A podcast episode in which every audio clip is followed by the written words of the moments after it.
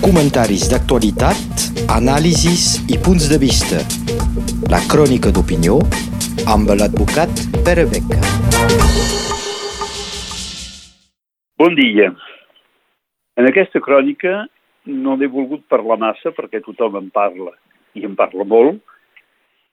És el tema del Covid. No sóc metge, no sóc infermer, no tinc cap competència mèdica i, com tal, no puc donar una opinió autoritzada, encara que es vegi en molts llocs molta gent que no haurien de fer-ho, però també ho fa. Però com tota epidèmia, com tota pandèmia, com es diu actualment, es converteix en un moment determinat no solament en un problema mèdic, sinó un problema de societat, i doncs un problema polític, en el qual tots els ciutadans, qualsevol, poden tenir, si no una opinió determinada, o almenys la possibilitat eh, d'interrogar-se de la manera que van les coses. I d'interrogacions, o més enllà, per dir-ho millor, de contradiccions, em sembla que en aquest cas n'hem tingut moltes. Contradiccions de tipus mèdic, perquè sense ser un especialista, la senzilla eh, examinació de les posicions que prenen els diferents comitès medicals demostra que de contradiccions hi ha moltes. Per què s'ha fet tan poca cosa i es continua fent tan poca cosa de manera preventiva sobre d'aquest eh, virus? Però recordo que fa mesos el senador Joan Sol, que és un professional eh, medical, va declarar al diari L'Independent que trobava que aquesta crisi estava gestionada de manera massa, és la seva paraula, hospitaló-centrada. És a dir, que es tractava de curar el mal a la gent que ja no estaven afectats, sense molt anar endavant per veure com es podria evitar de ser afectats, excepte amb els famosos gestos eh, de protecció. La contradicció o la polèmica generada pel famós eh, professor Raúl de Marsella, que no és eh, qualsevol desconegut, sinó un especialista mundial de l'epidemiologia, i que deia que ell coneixia remeis clàssics utilitzables, no que fossin d'una eficacitat absoluta, però que com en diferents països, i per exemple a l'Àfrica, la cloroquina, que s'ha utilitzat en aquell continent per lluitar contra malalties endèmiques eh, i especialment paludisme, permetia, si no d'erradicar, o almenys de millorar els efectes eh, del virus. I em sembla que les dades que tenim actualment sobre dels països d'Àfrica en els quals el control sanitari sembla més baix, Resulta, per tant, que no hi ha tanta contaminació com tenim nosaltres. També contradiccions eh, davant del tema del de, material de protecció pròbiques, de protecció prèvia. Se'ns va dir que les mascaretes no servien en res, després que servien, se'ns va distribuir o vendre mascaretes i després explicar que aquestes no eren útils, que se n'havien de canviar, i al revés veiem que sistemes de protecció per filtració de l'aire, inclús amb materials fabricats a l'estat francès i disponibles, i que van ser utilitzats en set llocs, per exemple, a les escoles primàries de Sant Pau de Fenollet, aquests materials no eren molt coneguts, no eren molt utilitzats, tampoc que el dispositiu dit de llum negra, que és un dispositiu senzill i que, segons sembla, té una eficacitat de nivell de 90%. Doncs per què tan poc, tan poc interès en aquestes eines de prevenció? Per què tants canvis? Perquè al començament ens va dir la vacuna, la primera. Després de seguida es va dir i se n'haurà de fer una segona, es va fer la segona. I després la tercera. I s'està parlant de la quarta i això durarà sempre. Sempre haurem de continuar financiant aquestes vacunes de les quals resulta, i tots coneixem gent que està en aquesta situació, que encara que estiguem vacunats una, dos, tres vegades, podem agafar i podem transmetre el Covid. Llavors, evidentment que molt probablement aquestes vacunes eviten el caràcter més greu de la malaltia. Però, per tant, no sé si es pot considerar que centrar la feina eh, en l'utilització de la vacuna i en vacunant eh, el màxim de gent pugui ser una resposta conseqüent a un virus que, segons sembla, està canviant del dia a dia i que pot ser que els actuals, les actuals vacunes no tinguin eficàcia suficient davant de les evolucions del virus. Doncs, per què tot això no es diu clarament i no es pot dir que, encara que el govern recomani la vacuna, no podem ser segurs del resultat. I per què, altra contradicció, si el govern, com ho diu el president de la República, té l'intenció de crear problemes, ho dic de la manera suau, de crear problemes a la gent que no s'hagin vacunat, per què no ha fet el pas de tornar la vacuna obligatòria? Per no portar-ne la responsabilitat, potser?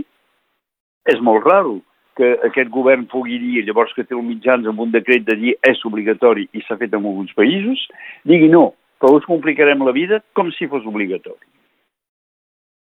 Em sembla que és una mena d'absència de, resposta, de resposta política davant d'una situació que no és una situació tan nova.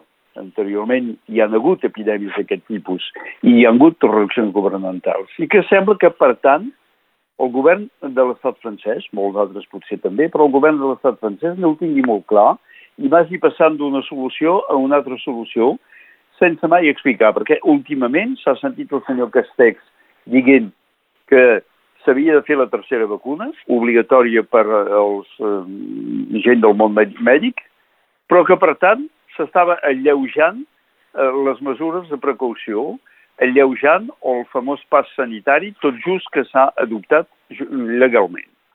Em sembla que tot això s'assimila en un desconcert de tipus polític, potser sortit del fet que hi ha hagut poca concertació eh, precisament, poca possibilitat d'expressar-se, o que llavors eh, això també s'utilitza d'alguna manera, però més eh, eh, indirectament, com a una de les eines de preparació de la campanya presidencial.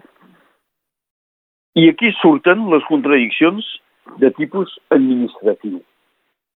Perquè, per tant, des del primer moment, el govern francès ha posat en plaça un Consell qualificat de Consell de Defensa. El president va dir estem en guerra i hem de fer un Consell de Defensa.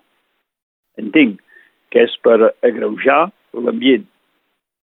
Per tant, Consell de Defensa contra un virus, llavors que no és una situació que justifiqui una acció militar. Recordo que l'estat espanyol, al començament, les dades de la pandèmia també les comunicava un militar amb uniforme. Després ho van treure perquè van entendre que potser no era la bona manera de fer tranquil·la la, la població. les vacunes, al començament, faltaven. Tothom corria per veure si es podia fer vacunar. Ara sembla que n'hi hagi masses, que se n'hagin comprat masses. I fins i tot que s'intenti organitzar la manera de fer passar els estocs que s'han comprat i, i que no serveixen. Últimament eh, tinc l'experiència personal d'haver fet la tercera vacuna i llavors que fins ara tothom m'havia dit tinguent en compte la meva situació que s'havia de fer únicament per Pfizer, doncs la tercera em van dir no, s'ha de fer per Moderna. Però per què per Moderna? Al final, per dir que de Pfizer en quedaven pocs i de Moderna en quedaven molts, és a dir, únicament un problema d'estocs. I més que això, la famosa política d'aïllament, el fet de dir als ciutadans que deus a casa, confinament, però al mateix temps la manera de mantenir oberts les grans superfícies, de mantenir utilitzat el metro, de fer que algunes coses fossin permeses i d'altres no, sense que s'expliqui realment per què, desmostra la realitat de que el govern o l'administració no té clara la manera de tractar aquest tema.